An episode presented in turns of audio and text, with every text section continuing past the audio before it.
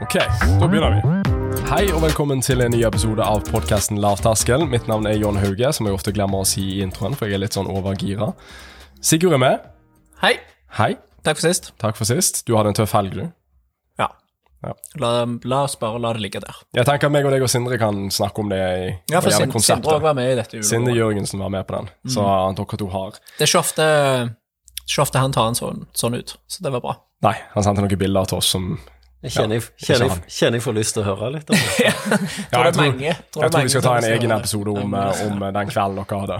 Men vi har jo, nå spilte vi en podkast i går. Uh, denne her kommer ut en uke etter den med deg, uh, Britt, og Eline, som folk mest sannsynlig har hørt.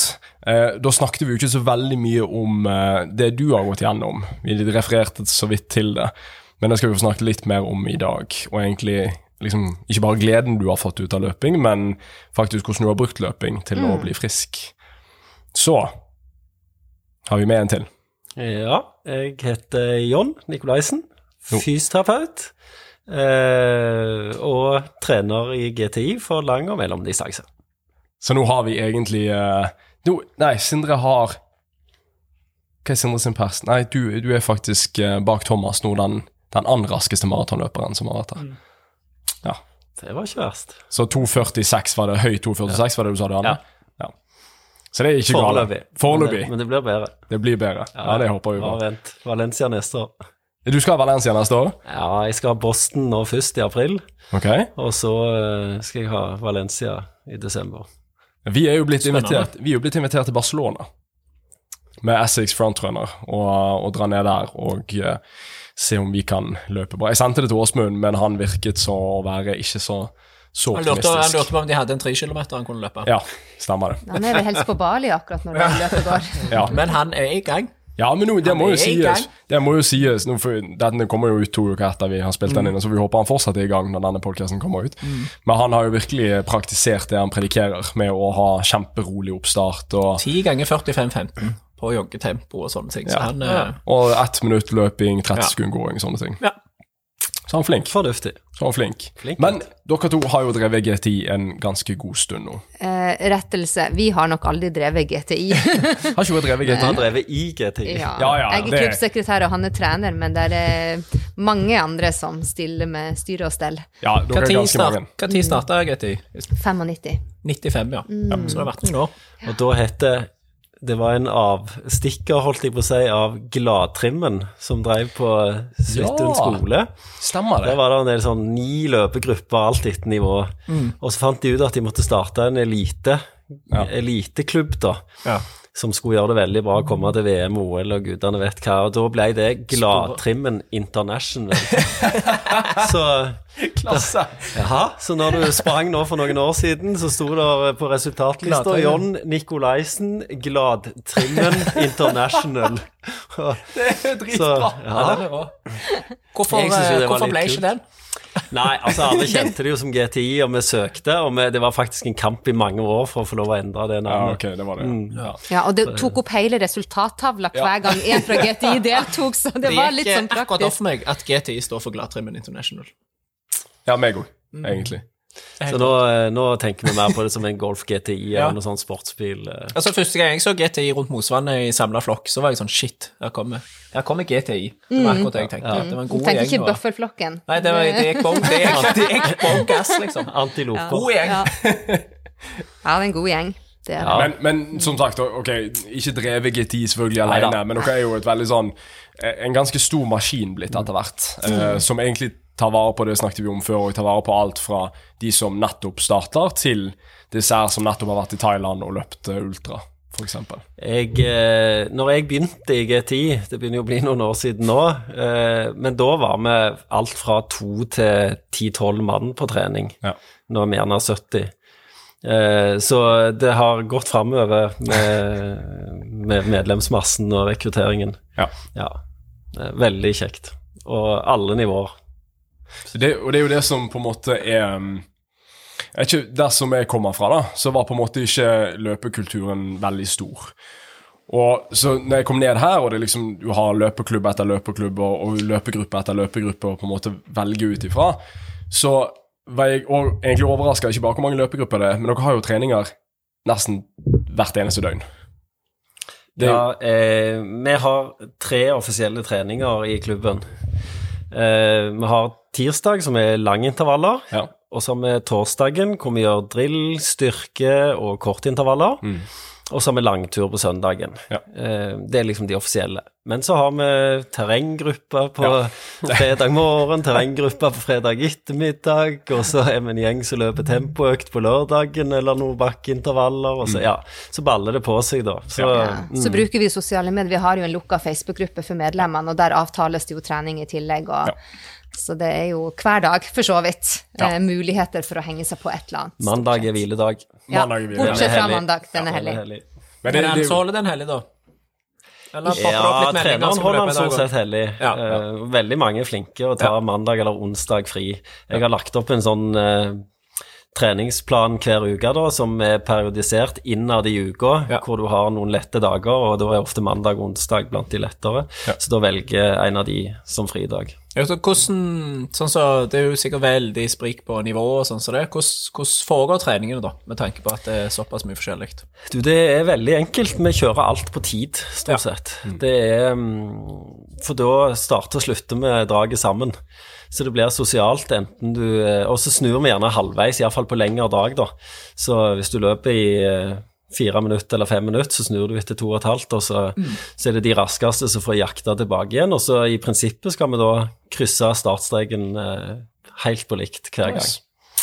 Så det fungerer veldig godt. Det er veldig kjekt. Alle trives med det. Er det mange av de, Vi har jo hatt mye gjester som er sånn Når de begynner med organisert trening, så lærer de intensitetsstyring. Er det mange som eh, bommer litt der hos dere òg, eller er folk flinke generelt? Ja, eh, nei eh, Folk, det er jo ulikt. Ja. Eh, og alle har jo lov å kjøre gjerne én syreøkt i Ja. da. Ja, ja. Sant? Og da velger de gjerne én av, en av eh, øktene våre til det, da, gjerne Ja. Mm. langintervallen, f.eks. på tirsdag. Men, eh, men min jobb som trener er jo mye mer å dempe folk enn Ja. å pushe de. Holde igjen. Ja, det er det. Føler det er sånne ting som går igjen med mange gjester Mm. føler det er noe du skulle hatt, egentlig. Jeg er sykt flink til å Don't practice what you preach, egentlig. Det er jeg veldig flink til. Så, men, eh, men definitivt. Men, Men jeg føler ja, et av tilbudene som vi kjører, er jo at alle får tilbud om gratis terskeltest. Ja. eh, testing. Og relativt, altså sånn med oppfølgingstest eh, etter en periode for å se utvikling og sånne ting. Og da får de jo helt nøyaktig hva fart de skal ligge på Ja. av Jon. Så da vet de liksom hva de skal gjøre. Da har de sett eh, økta på mandag, hva de skal gjøre på torsdag, og så har de tenkt igjennom hva fart de skal ha, forhåpentligvis. Uh, og forhåpentligvis så klarer de å holde det sånn cirka. Så de finner gjerne sin gruppe som de vet de pleier å henge med, og som er på cirka samme nivå også. Ja. Vi har jo eh, litt sånn internundervisning. Nå holdt jeg nettopp kurs, eh, eller foredrag fra klubben, eh, som går på dette med treningslære, fysiologi. Hvorfor, hvorfor skal vi bare løpe på 40% av maks O2-opptak, 60% av makspuls? Hvorfor skal vi løpe på terskel?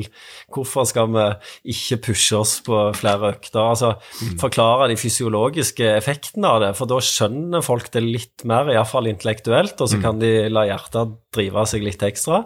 Men, eh, men eh, det hjelper litt, det å kunne litt, altså. Ja, for det, det merker jo vi òg, for folk har jo den, eh, som vi har snakket om tusen ganger før, folk har jo den innstillingen om at hvis ikke du kjenner det, så har du ikke trent, på en måte. Hvis ikke du kjenner det, blodsmaken eller at pulsen er på maks, så har du jo ikke trent. Det tror jeg er et begrep mange kunne dratt veldig nytte av, da. Eh, og, og, og langt fra den blodsmaken, på en måte. Altså, jeg, jeg husker jeg løp på Stavanger stadion, og så sto Leif Inge Tjelta og så på meg. Ja. Eh, og så kjørte jeg eh, ti ganger 1000. Og så når jeg kom i mål på, på siste, så eh, kikker han på meg, og så sier han eh, du, du løper for fort, sier han da. Så sier jeg, at jeg kunne jo fint løpt 2000 meter til, ti sekunder fortere nå, sier jeg. Så bare trakk han på skuldrene og gikk, og så idet han går, så sier han ja, du løper for fort, Så, så, Så tenkte, ja, så tenkte jeg, så tenkte jeg og, og da hadde jeg jo stått stille ganske lenge, altså. Jeg hadde liksom ikke hatt den store fremgangen. Nei. Og så tenkte jeg ok, liksom, eh, kanskje jeg skal senke farten min litt eh, på øktene, for han, han vet jo litt. Ja, ja. Eh, så gjorde jeg det. Og så kom jo fremgangen, da. Ja. Ja. Hvordan styrte du treningen din da, før, eh, altså når du begynte å løpe? Og... Nei, jeg hadde jo som mål at jeg skulle eh, Nei, i begynnelsen Altså, for å si det sånn, når jeg begynte, eh, så var det egentlig etter en sånn berømmelig eh, tur rundt Mosvannet, der jeg sprang rundt på ca. 18 minutter og spydde som gris. Ja. Eh, da var jeg 35 kilo tyngre enn nå. Og så ble jeg litt mobba av kompisene for det, og så tenkte jeg nei, jeg skal fader vise. Og så ble jeg utfordra rundt Stokkavannet, og så sprang jeg rundt det på jeg tror det var 44, og da besvimte jeg faktisk og kom blodig i mål, det bare svartna. Så jeg var ikke i veldig god form. Men du har jo evnen til å pushe, da. Ja, er ja det har jeg. Jeg har endt i helikopter etter løpet, jeg, så det, det er greit. Men, Litt for flink å pushe av og til. Ja. Men, eh, men eh, så bestemte jeg meg for at eh, nå skal jeg gjøre noe. Så Ja. begynte jeg med å sykle til jobb, tre mil hver vei én dag i uka. Ja. Eh, og da følte jeg jeg hadde influensa i tre-fire-fem dager etterpå. Altså, jeg, skal, jeg var helt Så gåen. ille. Ja. uh, Jeg syns du trengte intensitetsstyring. ja, ja, jeg, jeg, jeg kjøpte en rød, en rød stålracer som jeg sikkert ikke fikk solgt til noen andre nede på, på, nede på spinnen på Hillevåg. Med, av alle ting, røde dekk i, i tillegg. Og så klarte jo selvfølgelig han der knallen eh, i butikken, han klarte jo også å lokke på meg ei rød sykkelskjorte, da. Så jeg så jo akkurat ut som et hyttebær. Det var jo helt Det er så pinlig å se tilbake på The de. Flash, rett og slett. Men så- Kjør på deg, da. Det er jo positivt. Ja, nei, og så ja, også, Synlig. og så etter et par uker så ligger jeg opp hinnasvingene på denne sykkelen på vei hjem og føler meg litt sånn Tour de France-greier. og så hører jeg noe sånn knatresumming fra noe dekk, da, og så kikker jeg til meg, og så kommer der ei dame på en Kilimanjaro med knastedekk forbi meg. Og så sier, jeg- så sier hun hei, hei, stå på, du er god, sier hun bare.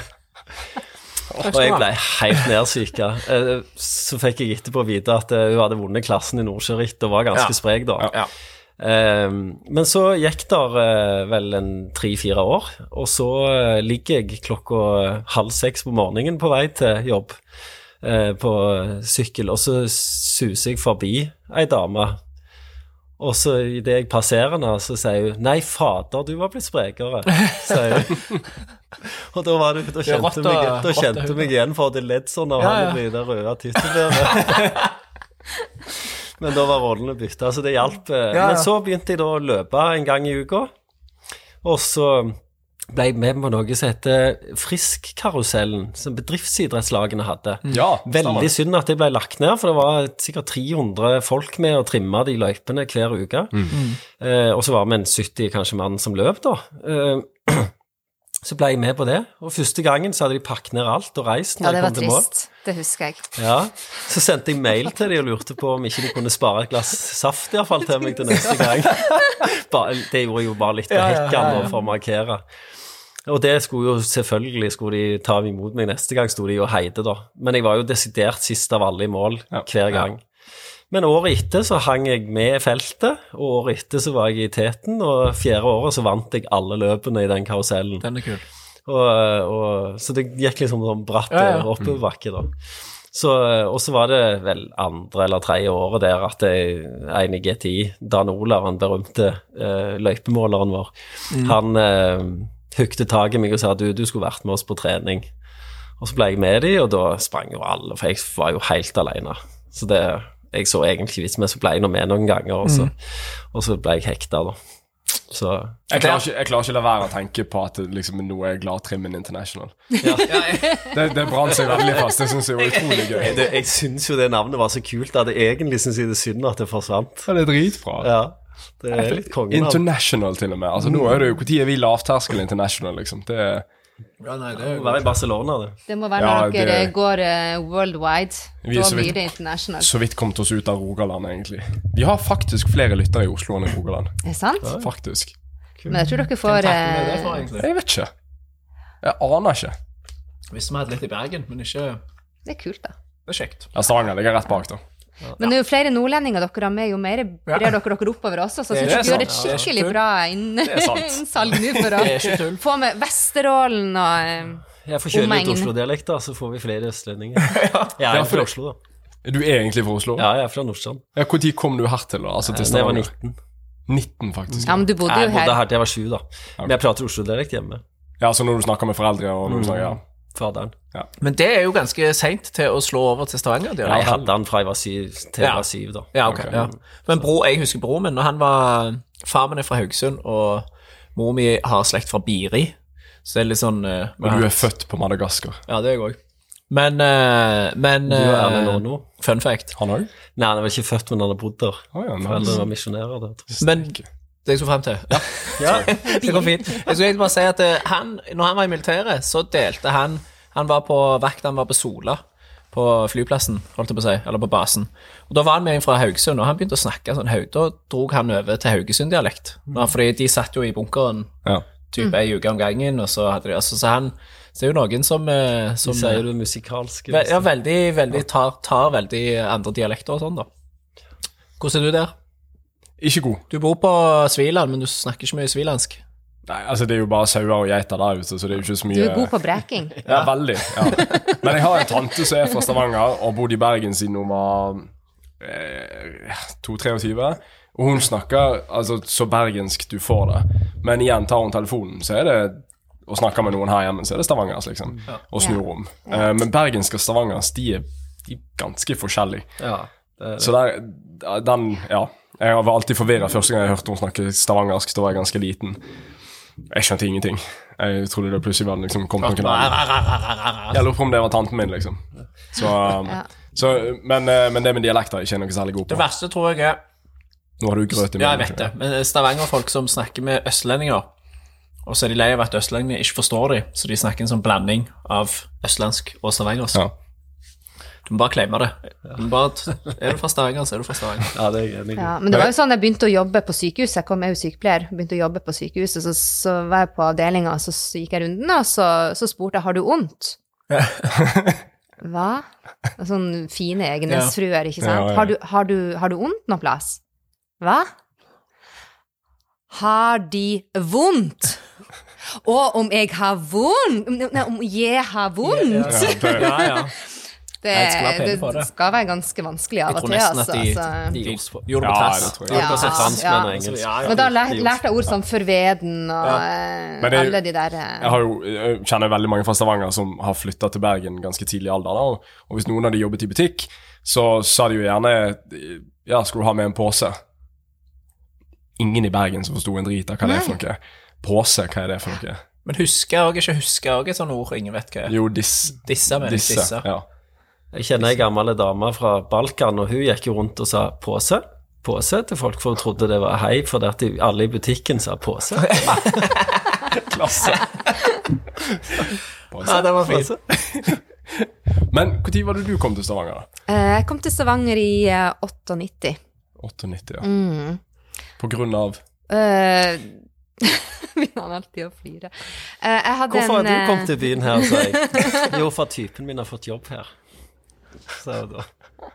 Den er fin. Okay, Nei, men det, eh, Min versjon er at jeg ville ha min egen by. Jeg er Ja. nummer seks i en søskenflokk på syv. Oh, kjære.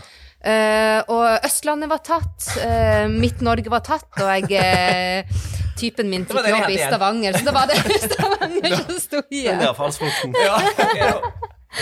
Og så, og så møtte han, han Sidisen her da Ja. etter et halvt år, og så ble det oss. Vil ha min egen by. Den likte jeg. Ja. Den, den, den syns jeg var ganske Derfor du tok Sviland. Ja, jeg måtte jo nesten det. Det er jo ingen som har Men den er jo hans egen. Det er jo ingen andre der, så det er jo skikkelig egen. Det verste er at jeg, jeg har jo ikke løpt så mye der ute, egentlig. Så det, det er en eller annen fyr som driver og napper disse her local legend-greiene. Men jeg har aldri liksom lagt veldig mye stolthet til local legend. Uh, det er liksom det, det er KOMs, det er det det går i, stort sett. Men jeg har løpt runden, så jeg har løpt forbi Sviland. Fra Sandnes også rundt. Også, Ja, også en sånn langtur, en sånn tomilstur eller noe sånt, så kommer du rundt Sviland. Det var egentlig ganske ok der ute. Ja, jeg, Sindre sier mye. Sviland er en sånn plass som du enten sykler eller løper forbi. ja. Det det liksom. Men det er litt annerledes der, merker jeg. For dette er jo, altså av de som bor der, da, så er det jo nesten ingen av de som er oppvokst der. Nei. Sant? Nesten alle, nesten absolutt alle som bor på Sviland, er jo tilflyttet. Iallfall sånn prosentvis, fordi at alle de leilighetene og husene som er bygd der som vi bor, da, så er det jo jeg tipper sånn 95% pluss pluss, sikkert mye mer enn det, er liksom ikke fra Sviland. Så det er liksom ikke sånn Du eller klarer ikke sånt. fylle så mange hus med de gardsfolka og se, vet du. Nei, nei, nei, det er jo ikke det. Det er jo ikke så mange som på en måte er født og oppvokst der, så det, det er litt annen sånn stemning der. Men jeg, nei, jeg trives jo veldig godt der, men jeg, jeg burde jo egentlig ha litt de er fra Sviland, men du vil ikke innrømme det. Det kan være. Ja, kan være. Det er fint å løpe rett opp i Melseier der. Og... Ja, ja. ja. Aboré og sånt det er jo helt nydelig. Nå er det jo arboré-trimmen på Jeg svarte Svein Erik, faktisk. Ja, Men eh, jeg har en seksåring som skal feire bursdag. ja Når det blir litt på kjekt. det, så Tar du med kake som er jeg er heller løpt arboré-trimmet nesten enn å ha sånn fullt hus og masse unger. Det er litt springing etter ungene, da. Det må du kutte ut, forresten, hvis eh, Lizzie hører det. Ja, hun hører på, jeg skjønner. Jo, hun hører det. Ja, Hun gjør det. får jeg litt sånn Men da kom du i 98. Jeg kom i 98, mm, så det begynner å bli en Fikk stund type siden. etter et halvt år. Ja, jeg fikk type etter et halvt år. Mm. Så forlova vi oss etter fem måneder, og på den forlovelsesturen så gikk vi over Besseggen. Helt fantastisk. Det var der han fridde til meg. Oi, oi, oi. Ganske spektakulært. Hadde han det med reinsdyrskinn og bobler og ring inni reinsdyrskinnet, så det var Jeg må ha vært forelska. Ja, Dette her var friluftsfrieri. Det er sterkt, altså. det var, det var gøy. Men så Men så ble det bare drit ut av det, for å si det rett ut. For da ble vi smitta En eller annen bakterie. Vi drakk den og Ja, kanskje i Bergen, kanskje kanskje på der oppe, men iallfall ble vi veldig syke. Shit. Jeg ble først syke og først friske. Så ble hun syke, men aldri friske.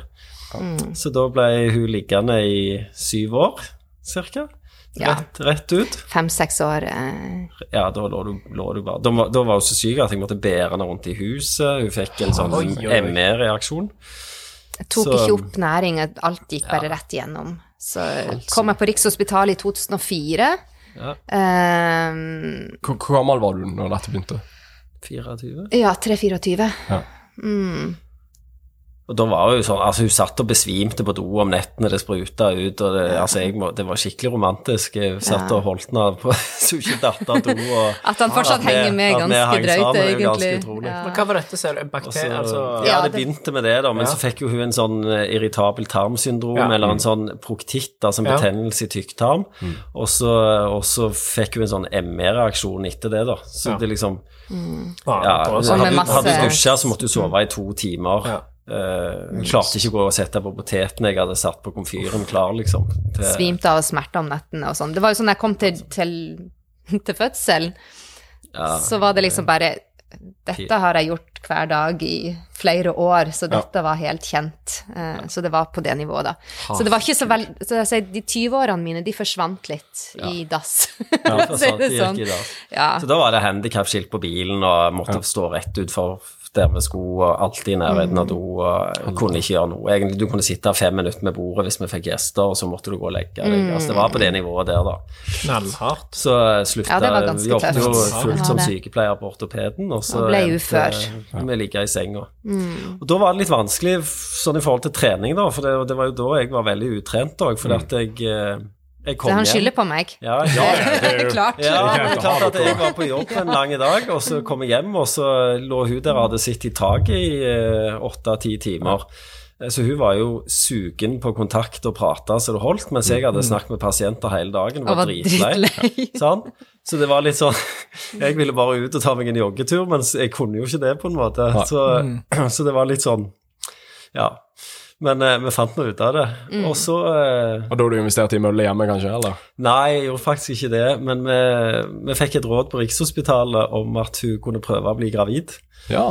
Ja, Eh, da det- var det eh, mange som opplevde bedring. På grunn eh, av av hormonforandringene. Ja, ja, så det kunne nullstille tarmen. Sykt. Og den ME-reaksjonen. Men så var det òg de som ble verre, så jeg sa ja, kom, Ok, ja. kommer professoren og passer ungen hvis det Ja, hva, hva, Hadde de tall på det og sånn, da? Eller hva Nei, men det var flere. Det var, det var, Det var flere damer enn menn som ble bedre av graviditet. Ja, det Ja, det Må, må dra ut den positive statistikken du, du kan finne. Veldig.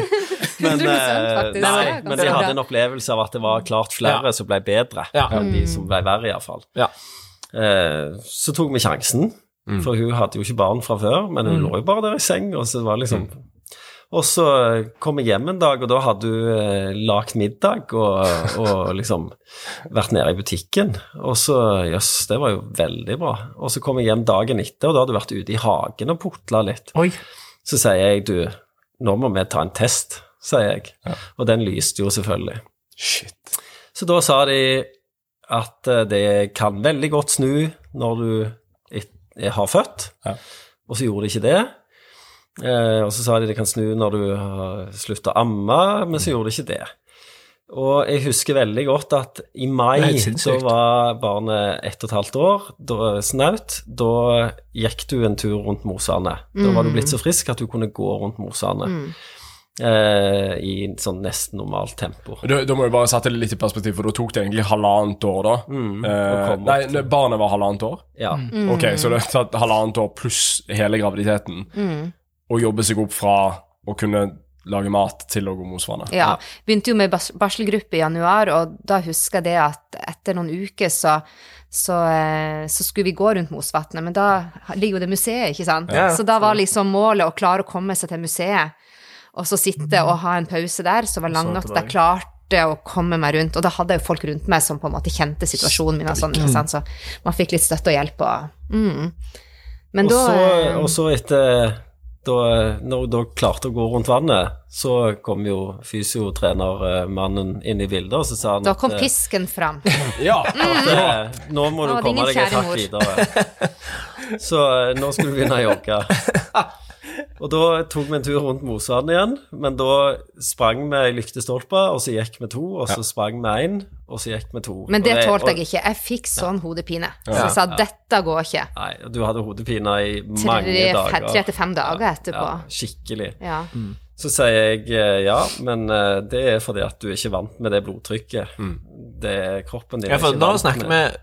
fem år med fem-seks år med sykdom, og så graviditet. syv, syv. Syv år med sykdom. ja, hun er født i så- 2006, og jeg ble jo eh, syk i uh, 99. Ja. Ja, så da er det seks år, syv år med sykdom, og så var det jo graviditeten, og så halvannet år, så det er liksom, du har nesten ikke gjort noen ting da på Nei. Aldri hatt høyere ti jeg, år, jeg var helt, altså, det var ingen kilo. muskeltonus i Jo, kroppen min. Det var liksom helt Og ikke hatt høy puls, ingenting. Ingenting. Nei. Helt vilt. Så når sn- snart snakk om å starte på scratch, Ja. så tror jeg det er innafor å si. Ja, Ja. det kan du trygt si. Men da fikk hun klar beskjed om at det er bare fordi du har gjort for lite, så det er ikke farlig. Så neste gang gjorde vi det ei uke etterpå, og da var hun dårlig i to timer. Og så var hun dårlig i 20 minutter uka etter det, og så gikk det greit. Streik. Og så jobbet vi oss opp, eh, og det var eh, i mai. Og så, ett år etterpå, sprang du Sola halvmaraton eh, NM eh, og tok medalje. Eh, men det var i klassen. Men det var jo litt i mangel på bedre konkurranse, Men da. jeg fullførte. Men, men du fullførte et Men før det så gikk jeg faktisk uh, Cecilomi. Det året. Ja, jeg klarer ikke å huske om Det det året. Ja. Mm. Men i alle fall så, så gjennomførte du et halvmaraton. Og så satte vi da et mål om at du skulle løpe et maraton. ja. Og da trente du i et par år til det. Mm. Og så sprang du i Amsterdam, i varmen der, og sprang på 2,49. Nei, Nei, tre. tre- tre- det var veldig fort. Ja, det var veldig, veldig det var Nesten din første. Men det var da 2016, var det du snakket om, det varme? Nei, i 2013 eller 2014 okay. eh, var det. Jeg tror, lurer på om det var 13. Ok, ja, jeg husker ikke. Jeg husker bare at var 13 eh, du sprang iallfall fortere enn vi trodde. Og Ja, jeg hadde Hadde som mål å gjennomføre, ja. og så hadde jeg et sekundærmål om å komme under fire timer, og så hadde jeg et drømmemål for meg sjøl å komme under 3,50. Og så kom jeg inn på 3,49. Fy. Og da tror jeg nesten Jon gråt. ja, jeg, er jeg må si at når, ja, da, da kom jeg litt tårer da, så jeg skal innrømme det. For jeg vet hva det hadde kosta. Eh, så det var jo veldig stas. Og så skulle jo selvfølgelig tiden opp, og hun var motivert så det holdt. Og eh, trente. Og så kom hun og klagde på vondt i hofta. Og så eh, er jo mannen fysioterapeut, men han fant ikke noe feil. Og så nei, det var litt mer ned i låret. Ja vel. Så ja, nei, det var, det var venstre òg. Og så nei, har du vondt over? Og så jeg, du må, du må jo bestemme deg hvor du har vondt. Altså enten har du vondt i hofta Han ble eller egentlig ganske irritert på meg for jeg ikke kunne liksom bestemme Ja, for det var liksom Den ene dagen var det kne, og den neste var det hofta. Så altså, strålte strålte sånn- det litt nedover, og så, så så gjorde det ikke, og så, ja, så, så ble jeg litt sånn Ok, må jo finne ut av dette. så var hun hos legen, og legen sa ja, kanskje det er Bechdrev, for det har de i familien. Men det visste hun faktisk ikke, men hun tenkte det ut ifra symptomene så, mine. Så sier jeg det er det ikke. Det passet ikke, mm. syns jeg. Men eh, så tok de nå iallfall et MR da, av bekken eh, og nedre rygg, eh, som er den måten den diagnosen stilles på. Mm. og der var det ikke noe, men så så de en liten skygge oppi kanten av bildet.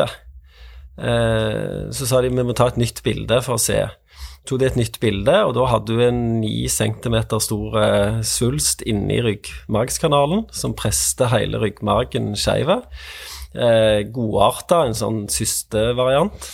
Men den hadde da ødelagt tre av ryggvirvlene, baksiden av de. Så da var det inn og kappa vekk eh, Noen får alt, sitter jeg bare og tenker Ja. Det er helt sykt. Eh, og det, dere, dere skulle nesten ha kjent på den ryggen hennes, for det er ganske fascinerende. For du kjenner ryggraden ned, og så boff, der forsvant det, og så er det ingenting, og så kommer du ut igjen lenger nede. Han, eh, han har- nevrokirurgen som opererte, men han løper faktisk sjøl, jeg følger han på Strava, Clemens Weber. Ja, Så han, ja, så han sa til meg når at jeg var operert, at jeg måtte nok regne med et liv med ganske nedsatt funksjonsevne og Mye sånn, mye, smertestillende. mye smertestillende. Var... Og du bare hold my bear. Også. Eh, og så, nei, så dette var i april, og jeg måtte reoperere for det, det ble lekkasje og sånn, så to operasjoner, og så Spinalvæsken. Ja, jeg hadde tre desiliter spinalvæske flytende rundt i ryggen og sånn, så det var litt heftig en stund. Men så, så eh, jeg har jeg en venninne i klubben som heter Kristine Os. Mm så sa det, du Britt Hege, de har en sånn der eh, utlodning på s- hva heter Stavanger Open? Swimrun. Swimrun. Ja, du svømmer i ja. Stokkavann, og så springer du rundt Stokkavann etterpå. Du, de har en sånn utlåning, vi skal ikke bare liksom sette opp at vi ønsker å prøve å vinne. Jo, jo, sa herlighet, hiv på. Eh, og så vant vi to startplasser. Dette skulle være i juli. Jeg var operert i april.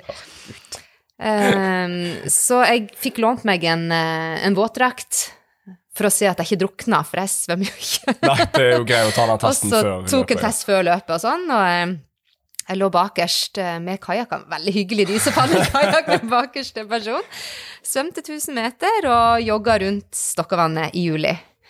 Men det skal sies da at uh, hun, hun var piska mange timer i slyngetrening hver dag på stuegulvet etter den bare sånn-. For din del, sånn når du pisker hun Altså, du, du er jo mannen hennes og en fysioterapeut. Ja. Vanskelig, vanskelig skille der Nei. for deg.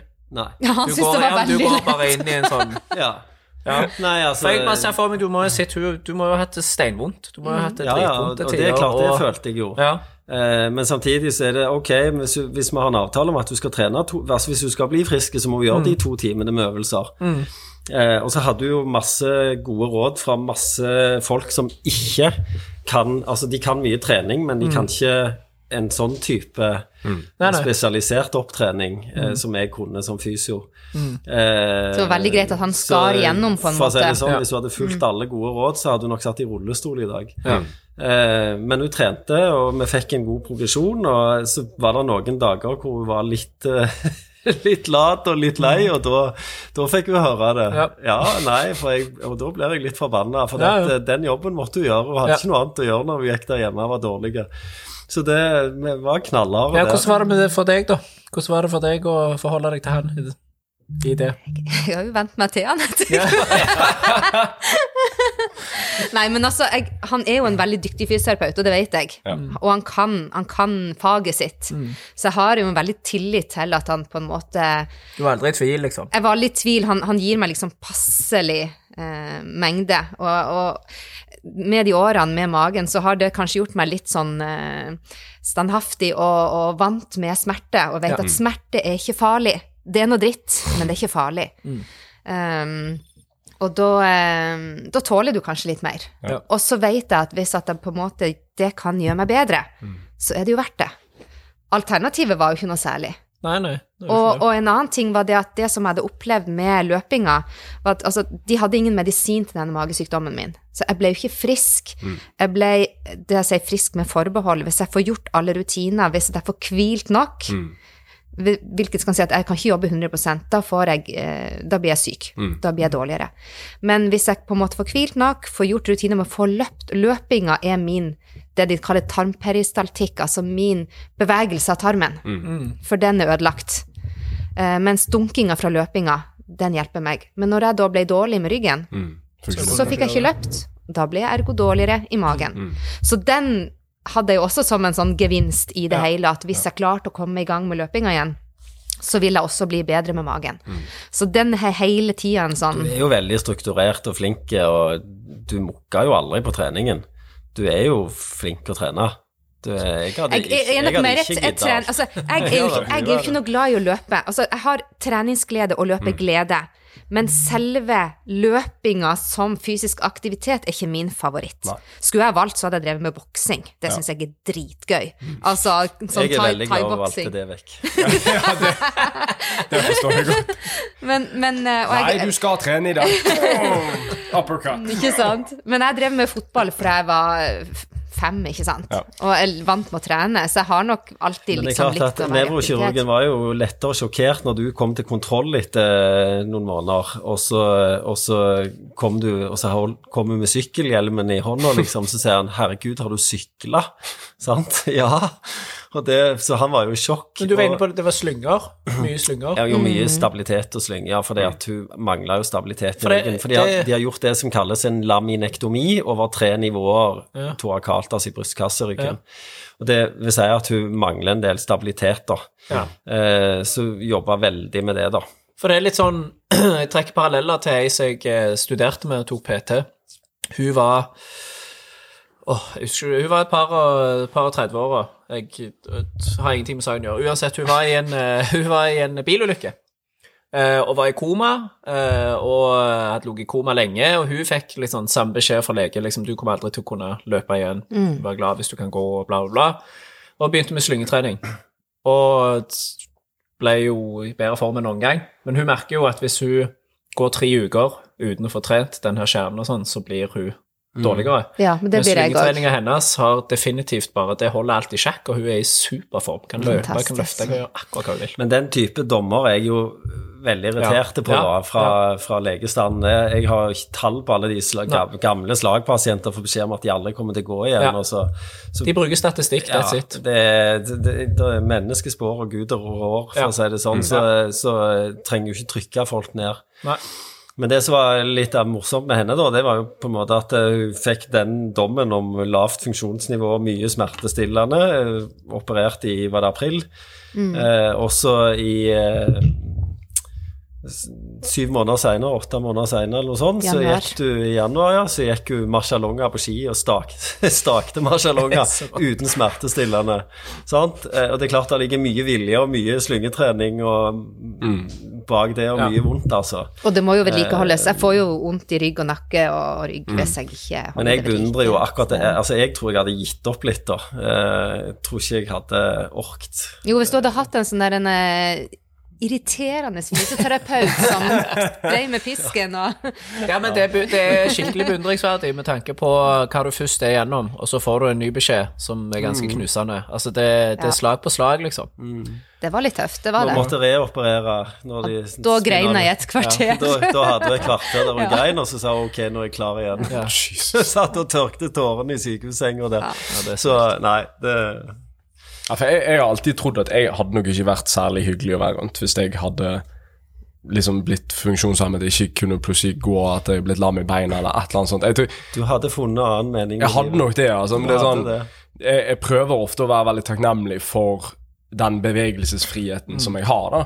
Og det er jo ofte det vi prøver å Når vi på en måte selger det vi gjør av, av helse, så er det jo handlingsfrihet som er ordet som ofte kommer, kommer til spille. Sant? Og nå, nå hadde vi jo Eline med i går, sant? Og, og som egentlig ikke ser noen ting, og allikevel så har hun løpt 3.32 på, på maraton Det er helt Ja, det og er kan, helt vilt. og kan leve livet sitt pga. at hun er i god fysisk form. Og det er sånn, Uansett funksjonsnedsettelser så ser vi hvor mye det å være i fysisk aktivitet og hvor mye bevegelse har å si for at du kan leve et mye mer rikere liv. Og jeg tror, jeg tror ikke det er noe sånn Jeg tror ikke noen er uenige, og hvis de er uenige med meg, så får de være uenige med meg. men er du i god fysisk form, så har du bedre forutsetninger for å oppleve mer av hva livet har å tilby, enn hvis du er i dårlig fysisk form. Ikke bare får du leve det lengre, mest sannsynlig, men du har muligheten og kroppen og, og viljen og, og tankesettet til å få til egentlig hva enn du vil. Um, og det der er litt sånn der, Vi snakket jo om dette her før uh, podkasten, men jeg brenner jo veldig for, for fysisk aktivitet og helse. Og jeg mener jo det at eh, det er noe staten burde vært flinkere til å informere folk om at eh, du bør ha god helse. Det er ingen grunn til å ikke ha it. ja, det er ingen, det er ingen Ja, grunn ja. til å ikke ha god helse. Altså, Men- det krever ikke, det krever ikke så mye men, innsats. men problemet er jo ikke mangel på informasjon. Nei, det er det absolutt ikke. På samme måte som eh, at alle visste det var farlig å røyke, men alle røykte likevel. Helt til staten gjorde noe med miljøet. Ja. Sant? Og legge til rette for det. Sant? De sa ok. Eh, tidligere så var det sånn at en tenkte at økt kunnskap gir endra atferd, som igjen gir en gevinst. Mens i dag så vet vi at det gjør ikke nødvendigvis det. det miljøfaktoren er mye større. Sånn at hvis en endrer miljøet, så endrer en òg holdningene. Som igjen gir endra atferd. Dette var jo måten Island løste sitt rusproblem blant ungdom. De sa at det er ikke noe galt med ungdommene våre, det er noe galt med samfunnet vårt. Så de endret samfunnet, og nå har de det laveste, lavest prosentandelen av rusmisbruk blant ungdom. Og det var jo røykeloven var jo den første loven som på en måte gikk inn og regulerte miljøet istedenfor eh, kunnskap, holdt jeg på å si. Eh, eh, og dermed så Vi ser jo i dag hvordan det har endra holdningene våre til folk som røyker. sant? Betraktelig. Eh, ja, og hva som er akseptert og ikke med røyking. Ja.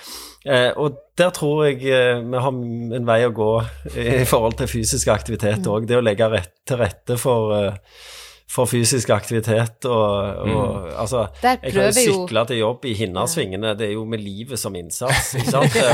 ja, det er det jo virkelig. Det er ikke altså. biler, altså Dattera mi går til skolen og hjem fra skolen. Det er ikke bilene jeg er redd for, jeg er redd for de som sykler til. jobb. ja, ja.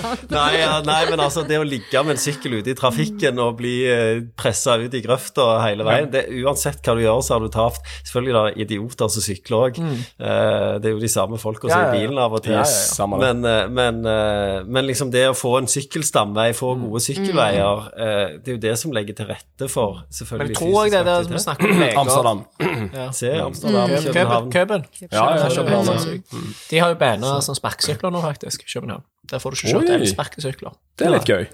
Fordi de hadde så sykt mye ulykker og sånn. Men Ja, eh, det har jo vi òg, så det det med leger som òg gjør sånn eh, Nei, du kommer aldri Altså, jeg føler Det var en kompis av meg som er ernæringsfysiolog, klinisk ernæringsfysiolog, og han irriterer seg sånn, for leger kan mye. De, de kan veldig mye, men den biten de har i uh, Det finnes òg mange leger som, som, som tilbyr eh, mye informasjon og mye kunnskap om f.eks. trening, istedenfor å si du trenger ikke disse medisinene. Hvis du bare spiser litt bedre og begynner å trene litt, så kan det hjelpe. Det finnes mange av de, men hvis du ser på utdanningen til leger, de òg kunne kanskje hatt litt mer om fysisk aktivitet, om ernæring. De har jo kun- 45 minutter. Ja, det er akkurat det. 45 minutter med ernæring. Altså, det? det er sånn det så, Der Var òg ikke det går det an å gjøre de mye. Det er på? omtrent på nivå med Jo. fødsler. Det. De går inn, og så tar de imot Ja. noen, Ja, ja, ja. mens jordmora har gjort alt i Ja, ja, ja. forhold. Så har de vært med på en fødsel. Nei, så det, det er mye som kan gjøres uten tvil på det. Det var jo, de sjekket jo med aboginere, urbaniserte aboginere i Australia, Ja. eh, som gikk på eh, medisiner for diabetes. da. Eh, og så tok de de ut av bymiljøet og tilbake igjen til original, originalmiljøet på plantebasert eh, fysisk aktivitet osv. Og, så og det var vel over 80 av de som bare kunne kutte ut eh, medisinen i løpet av noen måneder. måneder. Sant? Mm. 80%. Ja, Vi- det er sånn elleville tall. Vi er jo involvert i et studie som eh, skal teste nettopp dette, eh, med oppfølging av fysisk, nei, med oppfølging rundt fysisk aktivitet og ernæring blant, eh, blant eh, folk med diabetes type 2. Fordi vi vet at eh, staten bruker i snitt 137 000 kroner per, per år da, på en diabetespasient. Og det er det er penger som er vanskelig å liksom følge opp hvis du skal bruke det på fysio, eh, ernæringsfysiolog og PT. Så vi prøver jo å se, vi starter studiet nå i februar sammen med Abel-plattformen og en del andre aktører i, i Norge rundt treningsbransjen og sånn, eh, der vi skal se på og bevise hva Ikke det at de kan bli friske og, og kvitte seg med, med insulin, for det vet vi jo de kan, men hvor mye penger det egentlig kan spare den norske stat. Og det er jo der vi på en måte Norge AS er jo en pengemaskin. Så tydeligvis det etiske og moralske blant, blant å ta vare på sine, sine landsmenn eh, og kvinner, det, det betyr ikke så mye. Det skal jo ikke være uh, det sånn? barselavdeling på nye sykehuset her. Hæ? Nei, Jeg tror ikke de lager barsel Du skal være uh, ute etter halvannet døgn eller noe sånt. Så det. Oi, såpass, ja. De hadde ikke barselhotell. Ja, det stemmer. Mm. Så Men jeg skal bare fullføre og si at uh, vi, vi må jo gjennom studier de neste årene som, som vi er involvert i, bare bevise hvor mye penger de klarer å spare staten for, for at de forhåpentligvis Det eh, er kanskje det som er veien å gå. De må liksom se de kroner og ører. ja, De er nødt til det. det. Det er kun penger det går på, har vi fått klar beskjed om. Så vi får jo håpe at, eh, at det er noe som kan påvirke de uh, Ja. etter hvert. For det, det er ganske enorme summer vi snakker om. Ja. Vi, Jeg vi, ligger, jeg ligger ikke våken om natten og venter, for å si det sånn. Nei, det, vi, Nei. Holder ikke pusten, vi heller. Men, men det eh, vi kan gjøre, er jo å bidra gjennom altså Vi snakket om det, hvor mye, hvor, hvor mye vi liksom holder på inne i klubben. Ja. Den veien kan jo vi bidra, for vi driver jo med folkehelse i Yes. førstelinje, på en måte. Eh, og det å ha en breddeklubb hvor du har plass Og dette er jo en full friidrettsklubb, det er jo ikke bare en løpeklubb eller løpegruppe, men det er jo den som er desidert størst. Og det er jo der eh, det, det på en måte det som er mest populært og i vinden, og det kan man jo på en måte prøve Ja, Vi har verdensmester i spydkast Ja, det for 50-klassen for tre år siden, eller noe sånt. Marius Gansen, ja. Ja, det er bra nivå på kasterne òg. Ja, og diskoskaster som er 80, og, eh, og vi har en kvinne som fyller 80 nå, som, som nevnte faktisk Ja, eh, stemmer til deg tidligere, Bjørg Hagen, mm. som, som deltok på Sola 10 km i fjor. Eh, og sprang på 51 og var, eller 50 og var skikkelig misfornøyd for ikke å komme under 50. Og da, blåste da, sånn. og da fikk hun, hun fyller 80 år, og da, var, da fikk hun påvist covid dagen etter, så det var sikkert derfor ikke kroppen responderte helt sånn som hun hadde tenkt. hvis, jeg, hvis jeg er 80 og løper på 40-tallet på 10 km, da skal jeg være rimelig fornøyd. rimelig fornøyd. Og det må jo være snakk om noe Ja, det er verdens beste Ja, nivå. Altså. Det er altså. ganske Ja. nivå. Hun sprang, eh, sprang eh, når var, Det året hun fylte 70, så sprang hun eh, på Sola, NM, faktisk der du tok den medaljen. Ja. Eh, Der sprang hun halvmaraton på 1,38, Ja, og det var tiende beste tiden i verden gjennom, Gjennom alle, alle tider tider. i den aldersklassen. Vi har litt å jobbe med. Så Men vi, vi har jo en god del som er mellom 20 og 35 i klubben også, som er på. Så vi har liksom alle Men det, det som er litt sånn som er litt viktig for meg å formidle når det gjelder løping, da, det er at folk må ikke komplisere det så veldig.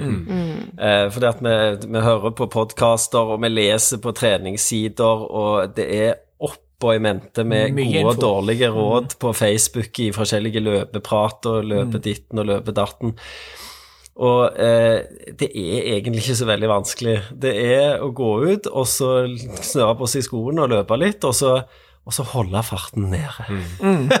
Og ikke og, og det er klart at det, hvem blir motivert altså det, Hvis du løper to eller tre ganger i uka, så er det jo ikke noe krise om du løper litt fort. For at du rekker jo å restituere uansett. Men det tar jo løpegleden fra deg. Hvem er det som syns det er kjekt å løpe med blodsmak i kjeften hver gang? Sant? Jeg, når jeg jogger rundt Mosane, så treffer jeg folk på, mannfolk på 50-60-40 år gamle. og så du, altså Slevet henger, og de er grå. Og Ja. du ser at de er to, de mille, ja, altså, de er to millimeter fra neste De løfter ikke beina hjerteinfarkt. engang. Sant? Nei, det- Og de smiler i hvert fall ikke. altså, ikke. lidelsen lyser av dem. sant? Alle ut som Bjørndalen finnes ikke treningsglede. liksom. Ja. Og, og det er jo ikke Det er jo ikke levedyktig på sikt, altså. Nå har vi jo konstatert her på ganske mange episoder eh, med folk som har blitt gode løpere løpe òg, at det, det er normalt å begynne der. Det er veldig mange som Ja. begynner der. Fordi du har ikke peiling, så det er jo en misjon du har.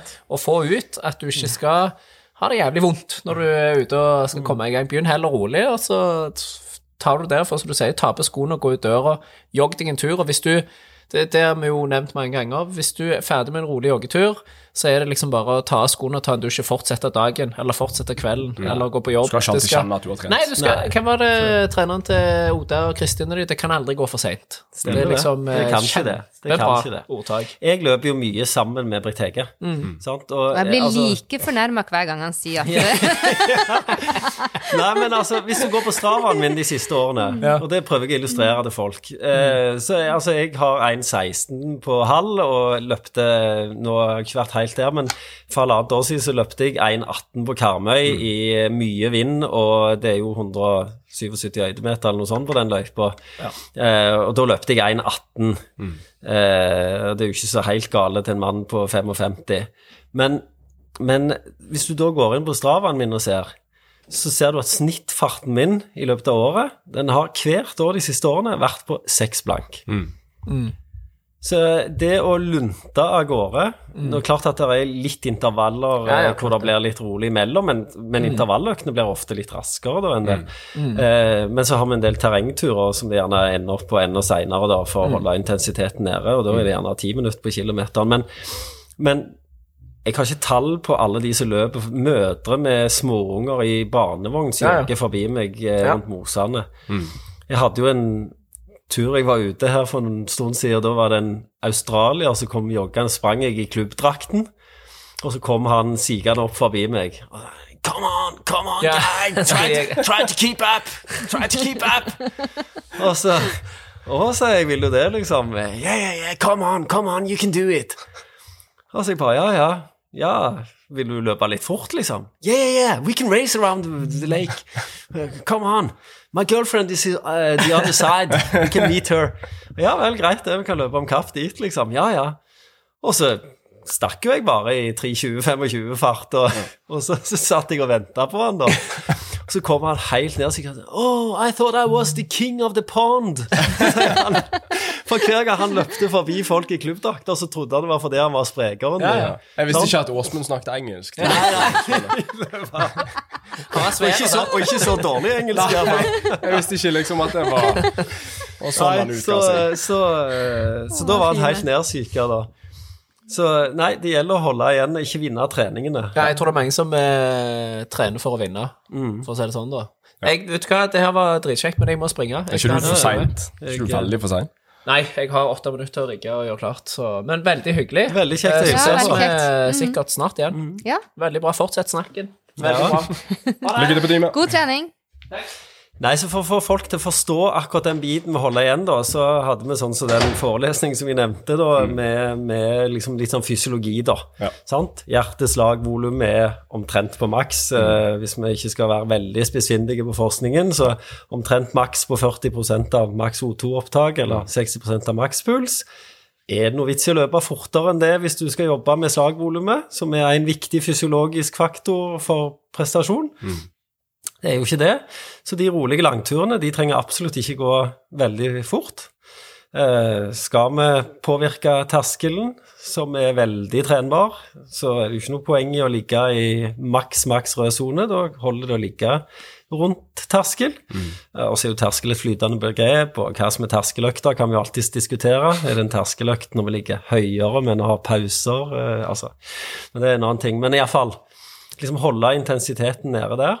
Eh, løpsøkonomi blir jo bedre bare ved å løpe mye, og løpe mye kan vi gjøre hvis vi løper sakte nok, for da blir vi ikke skada. Det er bare å se på ultraløperne, ikke sant. De tåler jo enorme mengder eh, fordi de løper sakte nok.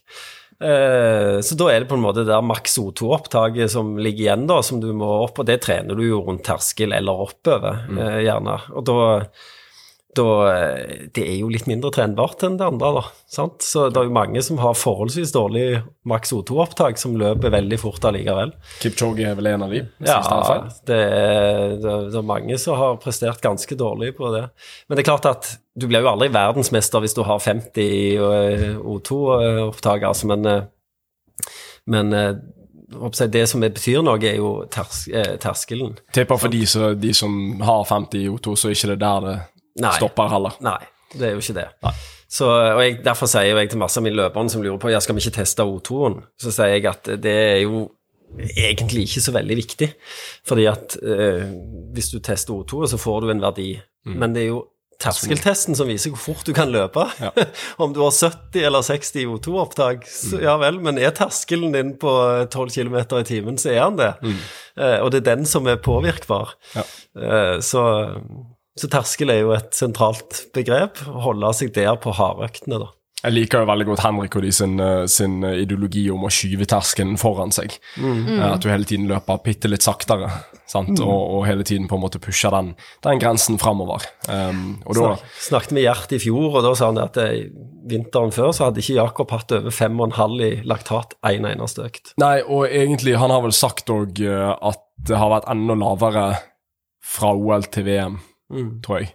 Da vet ikke om han var over 4,1 eller noe sånt. Nei. Uh, om det var før Bislett. Det var Henrik, jeg tror det var Henrik som sa det etter, etter VM-medaljen der.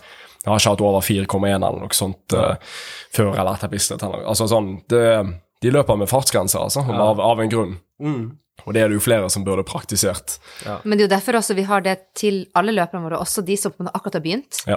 For å lære det med en gang. Det er noe med at, eh, å trene smart, ikke sant, Mm. å trene på det med rundt Spesielt terskelen. gutter trenger jo den korreksjonen. Har. Det, Alle- det er de alltid like fascinerende når guttene og jentene kommer, for jentene de tror at de springer for sakte. Ja. Gutta tenker at de Jentene, jentene Ja, jentene Nei, altså gutter tror at de har terskel på 3,50. Ja. Så måler vi de, og så har de 4,20. Ja. Mens jentene, de jeg tror de har terskel på 5 blank, og så har de på 4,40. Ja. Sant? De eh, Litt mer konservative. Ja. Så begge deler er jo dumt, for å si det sånn. Ja. Eh, hvis du skal ha maks ut av økta, så kan du, er det jo kjekt å vite, Ja. eh, men det er jo bedre å løpe litt for sakte, da. de Jentene blir mindre skada da, i hvert Ja, fall. da, det- Fartens drepe. Definitivt. Ja. Så, men det er fascinerende å se, for du, du kjenner jo ikke sjøl på en sånn uh, intervalløkt eh, om du er på terskel eller ikke, hvis du ikke er veldig rutinert. Sant? Og hvis det er sånn at fart dreper, så er det jo veldig tydelig at Kalle kommer til å leve for alltid. Kalle klarer seg. Men Kalle er ganske rask, hvis han vil. Ja, hvis han Ja, vil. Ja, ja. Vi snakket om det. Den katastrofeepisoden som han var med sammen med Åsmund, at uh, sub 40 ligger der fortsatt og venter på. Kalles den katastrofeepisoden? Ja. ja. Nei, vi har fått Nei, men, uh, det, men det å lære seg å kjenne terskel eh, det, det, Folk lærer seg jo ganske godt. jeg har jo lagt og gampa så mye runder nå i noen år. Eh, Jeg var på tok trener eh, to-utdanning eh, eh, på Olympiatoppen eh, i eh, Jeg tror det er min alarm om at vi må slå på lyset til treningsgrupper på stadion. Ja, dere skal på trening i Sandneshallen dere etterpå nå, så. Ja, men, eh, men eh, det er en gruppe som trener ute òg, klokka ja, så, syv. ja, stemmer. Eh, så vi kan, vi kan slå på lyset til dem. Ja. Nei, eh, hvor var vi henne? Eh, Vi snakket om Kalle først, og så var det ja, det å løpe Ja, jeg var på Borte og tok trenerutdanning. Eh, og da var jo en av oppgavene det var at eh, folk skulle lære seg å ta laktat Ja. eh, på en skikkelig måte, da. Eh, og, og så Da var eh, Leif Inge Tjelta, da. Ja. Så sa han du Jørgen kan springe en 1000 meter nå, og så kan de få ta testa på deg, for du vet hvor terskelen er. Og så eh, sprang jeg, og så fikk jeg terskel på 5,7. Ja. Eh, og så Oi, du er i dårligere form enn du tror. Så sier jeg nei, det, de har gjort feilmåling. De har fått forurensa prøve. Jeg garanterer at det er feil. Ja, spring en til, da. Så sprang en til på akkurat samme farten, og så fikk de eh, 3,2. Ja. Sant? Det var. Så, så da var det greit, da. Men, eh, men eh, akkurat det der å ligge på terskel, det, det er en sånn veldig treningssak. Du må, du må ha målt noen ganger før du skjønner hvor lavt det faktisk skal gå, altså. Ja. Så, Men det, det er jo liten tvil om at uh, nå, Jeg vet dere nærmer dere og må gå. Altså. Nei, men det går fint, det. Det er bare de som skal løpe på stadion, som kan få litt lys. Men dere har jo òg Dere har disse hvor- hvor tid- Kan jeg spørre når begynner innetreningene deres i Sandneshallen om vinteren? De pleier å begynne etter høstferien, Etter høstferien, Ja. og så varer de hele veien til til påske. Ja, okay. Men det varierer jo litt når påsken kommer, så vi ser litt an på vær og forhold. Ja, Jesus han sto opp igjen i litt, litt flytende døds og dato for oppstandelse. Uh, så det må vi bare forholde oss til. Eh, Men vi har jo, men vi har jo utegruppe hele året også. Eh, alltid noen som heller vil springe ut, og med logistikk og forskjellig, så, Ja. så begynner de klokka sju. Men, men det er helt fantastisk. Jeg må få lov å slå et slag for den Sandnes-økta, for det er helt fantastisk å løpe i singlet og shorts på vinteren. Én økt i uka. Og så er det fin temperatur der inne. Mm. Det er aldri, du kan aldri unnskylde deg med motvind eller eh, feil klær eller Det er liksom Og så får du en korreksjon på hver rundetid for 200 meter. At eh, nå ligger du på skjema eller over eller under. Mm. For de har du regnet ut på forhånd. Eh, det, det er utrolig kjekke økter å bare ligge og banke på den tida du skal, altså. Det, så det er veldig mange som liker det, og så er det noen som ikke liker det. Som, som vil ut i frisk luft. Ja, all respekt til de som takler denne her eh, vinterkulden vår, men uh, innetrening eh, Jeg er jo veldig innekatt, så jeg trives jo best inne. Men så er jeg ikke så glad i mølle heller. Jeg hater mølle. Ja, det er tungt. Da er vi tre. Ja. Det, det, det klarer jeg ikke, altså. Det er ma veldig mange i klubben som sier at mølle er gull. Jeg uh, har prøvd å se Game of Thrones og Ja. se løpe på mølle, men jeg, det, jeg dauer, altså. Jeg er umulig mer glad i ellipse enn mølle, faktisk. Jeg må si reklame for egen podkast der, men det faktisk når jeg hører på vår egen podkast jeg kommer meg best gjennom. Ja, men det det- kan jeg holde med deg i. Ja, for det, men det er et eller annet med det der å bare eh, Du må finne det som får hjernen din til å fungere minst mulig. Altså du, Der du må tenke minst mulig. Der du føler i hvert fall at jeg Jeg føler at jeg er et annet sted enn på møllen. Eh, og det, da er det behagelig. Men sa- samme å se Game of Thrones eller se serier og sånt, jeg føler jeg må fokusere for mye. Jeg føler at jeg holder på å snufle hvis jeg ser på TV samtidig. Ja, det er jo litt sånn ekkelt. For det, det beveger seg, og så mister du litt balansen. Men jeg, jeg må si, altså innrømme at den katastrofeepisoden, den hørte jeg mens jeg var på treningssenter på Ellipsen, og jeg er redd for at jeg lo høyt. uh, og det er jo ingen andre som hører hva du hører på. Det ser ganske merkelig ut når du driver på og så står på en ellipse, og så ler du plutselig høyt. Men jeg, jeg, eh, jeg knakk et par ganger der. Det Ja, må jeg innrømme. Det, det er jo tilbakemeldingen vi har fått fra denne episoden, så det er jo, det er jo veldig kjekt. Jeg, eh, jeg var jo ganske dårlig den dagen, så jeg hadde ikke energi til å holde eh, Ja, hadde ikke pisken ute da til å passe på Åsmund, uh, og Kalle virka som ga opp veldig tidlig, for han merket at volumet og intensiteten til Åsmund var, det var på topp. Han hadde vært to måneder uten podkast, og endelig Det virket som ingen hadde hørt på han. Han, han så jo foreleser for 40 stykker hver eneste dag, men tydeligvis så det var ikke nok. Så uh, vi har jo lovt Kalle at han må få lov til å komme tilbake igjen um, på en podkast uten Åsmund og få lov til å skinne igjen, som han mener sjøl han, han skal. Men raskt eh, mot slutten. Trekjørs. Ja, Det gikk ganske bra, da. det var en vanvittig fin dag. Ja, det var, det var så gøy. Ja, det var helt ekstremt. Jeg har jo ikke løpt den på mange år sjøl. Jeg eh, løper jo med sånn 'jeg heier på deg', rosa flagg.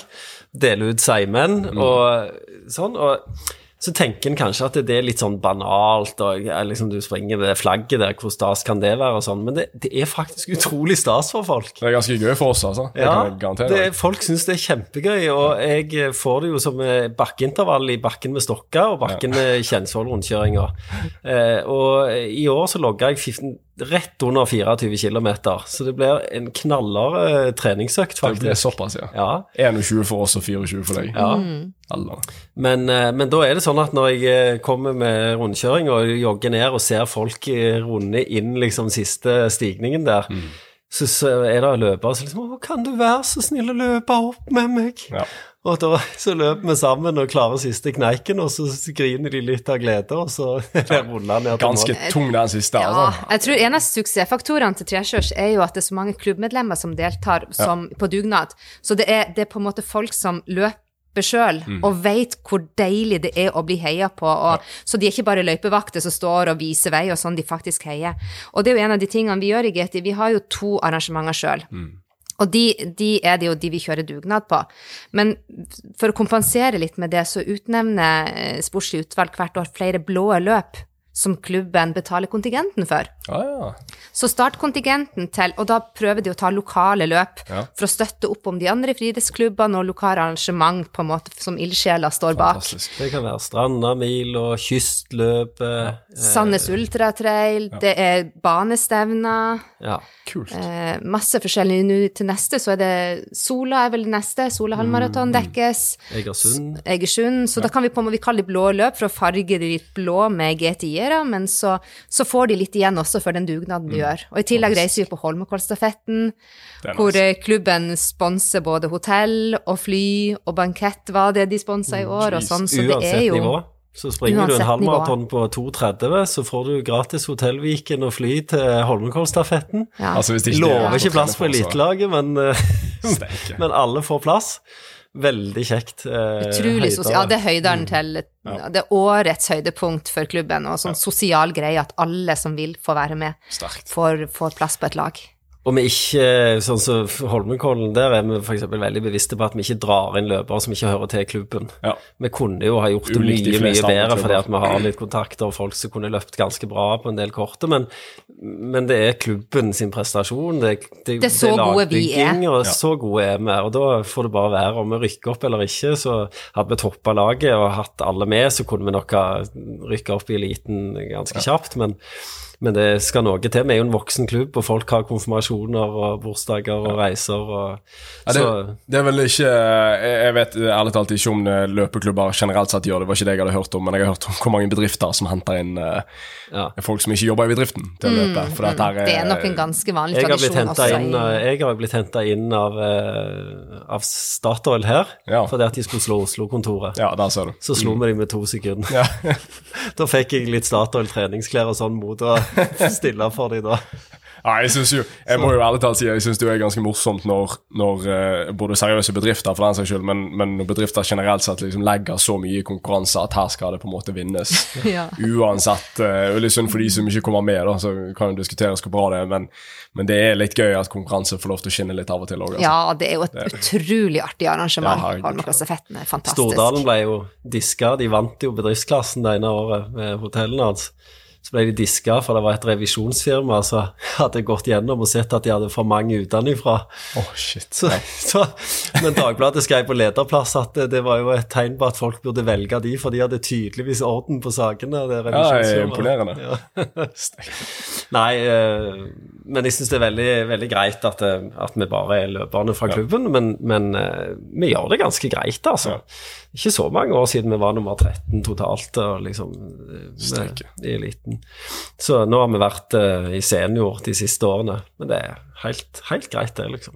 Men tre kjørsog er fornøyd. Å, vi er veldig, veldig fornøyd. det var en gledens dag, altså. Så mye glade folk etterpå. Det er liksom Folk uh, griner av glede og liksom eh, Det er greit at det var godt vær, det hjelper jo alltid Ja, på. Altså, Hva tid ja. er det vindstille og tolv grader ved start eh, i, i begynnelsen av november? Ja, fint vær uten å være for varmt. Ja. Det er jo Ja. perfekt. Ja, det er sant? det, ja. det var jo Det var faktisk nesten det knippet for varmt, merket jeg i enkelte perioder der.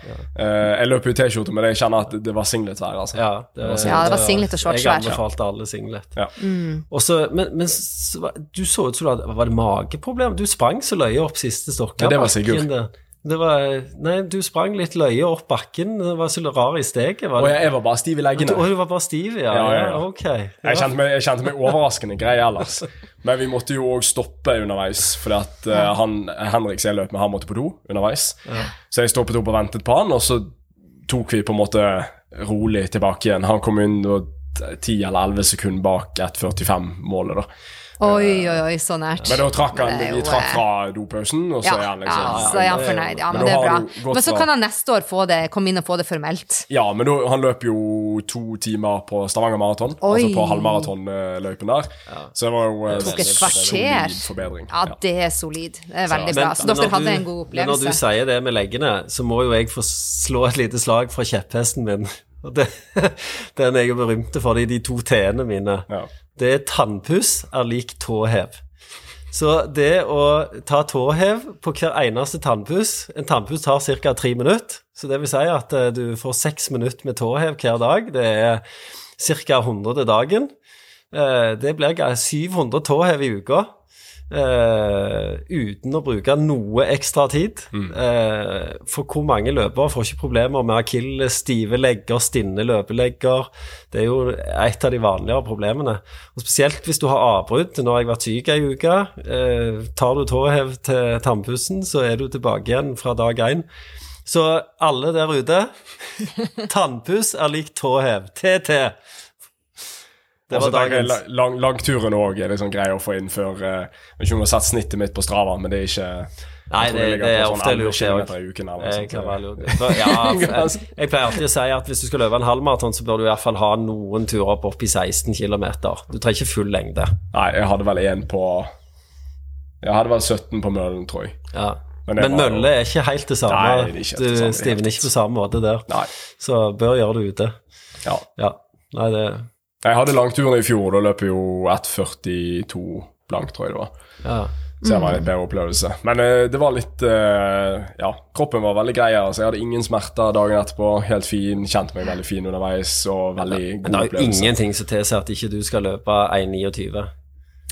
Eh, vi får se om en stund. Det krever men, ikke mange økter i uka, altså. Nei, men jeg, jeg merker hvor eh, Jeg merker hvor eh, Jeg vet ikke hvor avhengig jeg er av å liksom være i flytsonen med både styrke og løping. For jeg, jeg har ikke lyst til å ende på ene eller det andre. Altså, jeg, jeg er veldig glad i å trene styrketrening når jeg har kommet litt inn i det, sånn som nå. Uh, og jeg har lyst til å være eksplosiv. Jeg har lyst til å se ut som jeg trener styrketrening. Men nå har jo John sånn- tenkt oss å begynne litt med styrke, så kanskje dere kan Ja, utveksle litt inn i- her. inn i sats nå. Ja, Du har det, ja? Mitt satssenter blir lagt ned nå. Det er Ja. sykt irriterende. Det er på Hana fikk en melding om forrige uke at det blir lagt ned. For det er sats som eh, Ja, jeg har Men kanskje du kan hjelpe han med flyten på styrke, så kan han hjelpe deg med flyten på, på løpinga. Så eh, Jeg fant ut at det ble for lite bra. med staging på vinteren på ski og, og padling på sommeren på kajakk, så blir det litt for lite styrke. Vi har jo styrke på torsdagene, da. Ja. Men ikke overkroppen. men men eh, når det er sagt, altså eh, Det holder ikke med unnskyldninger. Altså klokka halv, klokka halv seks torsdag morgen, da har vi intervaller på stadion eh, på Stavanger. Så da er det bare å komme og møte oss. Han sier vi. Halv seks Halv seks om morgenen på torsdag morgen. Til alle der ute som ikke er meg, så velkommen. Så er det bare å stille. Nei, galskap. Så uh, Jeg har vært der et par ganger i går, men Det henne, det nå skal det sies, det hender at vi ikke løper på stadion, at vi gjør noe annet òg, altså, men uh, veldig ofte så er det litt 400 meter i 10 000 fart eh, eh, på stadion eh, i den tida. Det er ikke ofte du ser meg løpe før klokken 11-12 liksom, om dagen. Det, da er ikke kroppen min veldig sånn uh, treningsmottakelig. Men hvis, hvis du hadde snudd litt på det, så, så er du på 1,29 sånn. Ja, vi får se en dag. Det er, men, eh, men altså, jeg òg vet jo Jeg har ikke noe sånn Nå skal jeg løpe en konkurranse hver måned neste år, og jeg, jeg har sagt at noen dager, hvis jeg plutselig bare føler meg litt sånn topp, så, så kjører vi fort. Men jeg kommer nok ikke til å planlegge liksom, å bygge opp til noen. Jeg har liksom bare lyst til å være med i sosiale yeah. settinger yeah. og løpe og oppleve den gleden. For det, sånn som på trekjørs, da, til all kreditt for, for dere og alle frivillige som var der Jeg, var- jeg tror jeg var igjen i halvannen til to timer eller noe sånt. Og det er sånn det fyller meg med så mye glede. Eh, og du har liksom lyst til å bare Jeg merker hvor, hvor lyst jeg har å være i god nok form til å kunne delta på sånne ting. Ja. For det er jo på en måte det som igjen handlingsfrihet da, for å være i god fysisk form, for å kunne velge å være med på sånne eventer. og sånn som det der. For. Opplevelsen av å komme i mål uansett hva tid du får, og det er der vi er nødt til å få flere til å liksom dempe det der presset på, på perser. Ja. Eh, at bare Ikke sånn- spørre hva sprang du på, men hadde du det kjekt? Ja, Gikk sant? det bra med deg? Og det er, sånn, det er så sykt gøy å være med på disse her tingene, og da må du bare være iallfall god nok form til å kunne fullføre. Også, også, men det er òg et spørsmål som jeg hele veien får. Hvordan skal jeg toppe til det løpet? Hvordan skal jeg toppe til det løpet? Hva skal jeg gjøre denne uka? Jeg skal være med på det løpet. Så, tren vanlig. Du kan ikke toppe til ti løp i året, sant? for da får du ikke trent. Løp ett maraton som du kan toppe til. mm. for noe mer enn det, så blir det for lange opphold på forhånd og i etterkant. Hvis du skal løpe noe mer enn det, så kan du jogge gjennom. Vi var jo med på Medoc-maraton nettopp. Eh, utkledd som vikinger og hadde det jo skamløye. Var jo brisende før vi kom til 21 km. Jeg har noen videoer på Instagrammen min der, så jeg rødmer når jeg ser. Men, eh, men eh, altså det, det er så mange fasetter med løpingen, ikke sant? og du kan ikke toppe og te være opptatt av pers hver gang. Jeg har folk som er skuffa hver gang de ikke setter pers i hvert løp. Du finner, du finner ikke løpegleden med den innstillingen. Det er ganske. Nei, det, ta det som det kommer. Så, og Vi snakket litt om det der. Vi har jo folk som liksom ikke passerer den magiske grensen på 1,30 f.eks. Mm. Jeg, jeg lå over 1,20 i tre, over tre år. Lå rett over 1,20. Jeg trente og trente og kom meg ikke unna. Men så plutselig en dag så løsna det. Så sprang jeg 1,19, og så sprang jeg 1,18, og så sprang jeg 1,19 lavt, og så sprang jeg 1,17, og så sprang jeg 1,16 i løpet av ni måneder. Så hadde jeg på en måte uh, sant? Eh, Da hadde jeg på en måte bare gitt opp, eh, tenkte ikke mer på det, og plutselig kom det. Så eh, heller ha fokus på nyt det, kos deg. Syns jeg er en veldig god måte å avslutte det på. Hvis det er en ting dere skal ta med dere herfra, i hvert fall, så utenom å melde seg inn i G10, så er det Eller Ja, vi har plass til veldig mange flere. Er Gladtrimmen. International. Gladtrimmen International har plass til mange. Jeg tror jeg skal starte en sånn her petition for å få den logoen tilbake igjen.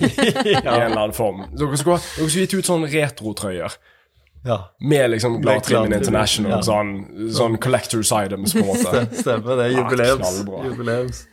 Ja, nei, så det, men, men det er veldig kjekt å se at vi får inn alt, da. Eh, Ja. For jeg, jeg ønsker jo òg at vi skal ha de gode inn. Vi har jo folk som løper på 30, og gjerne sub 30 òg på 10 000. Ja. Sant? Eh, Og vi har folk eh, på landslaget, eh, på ultra. Eh, og så har vi de som da knapt jogger, for å si det sånn.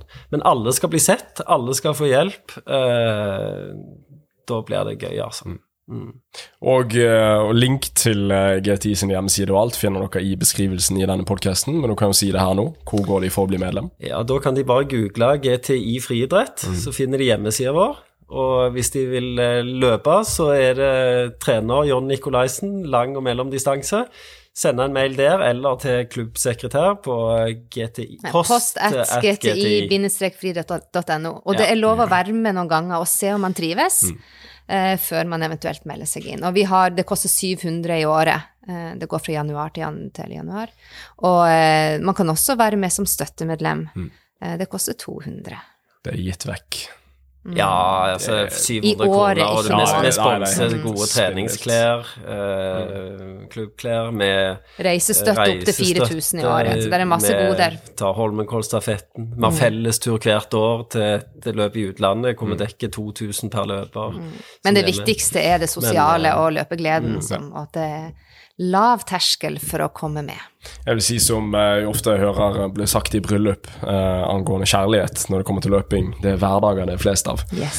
Så du må liksom finne en måte å trives med den løpehverdagen. Og så ja. de løpene og, og turene og sånt bli dette her eh, Hvor mye lettere er ikke det hvis du har en hel flokk som venter Ja. på deg med Og alle folk? som er med, de har sin verdi og bidrar i det sosiale miljøet, og det er det viktige. Fantastisk. Helt nydelig. Tusen takk for at dere ville dukke opp. Tusen eh, takk for at vi fikk Takk komme. for at vi fikk komme. Og du er jo eh, snart mer eh, vanlig gjest enn Åsmund. Ja, kanskje jeg skal begynne å dumpe inn sånn som så, så Sindre. Ja, det er helt nydelig. Plutselig. Men nå er dere klar for trening? Nå skal vi på trening i Sandneshallen. Yes. Nå blir det fem ganger syv minutter på maratontempo. Nydelig. Da har du Åsmund klart vært med på i hvert fall én av de, men sin trening akkurat nå. Ja. Så vi håper han kan være med på, eh, på litt større treningsøkter når han kommer hjem. Vi savner deg, Åsmund. Vi heier på Åsmund. Ja, det er godt. Supert. Takk for oss, og så høres vi i neste episode.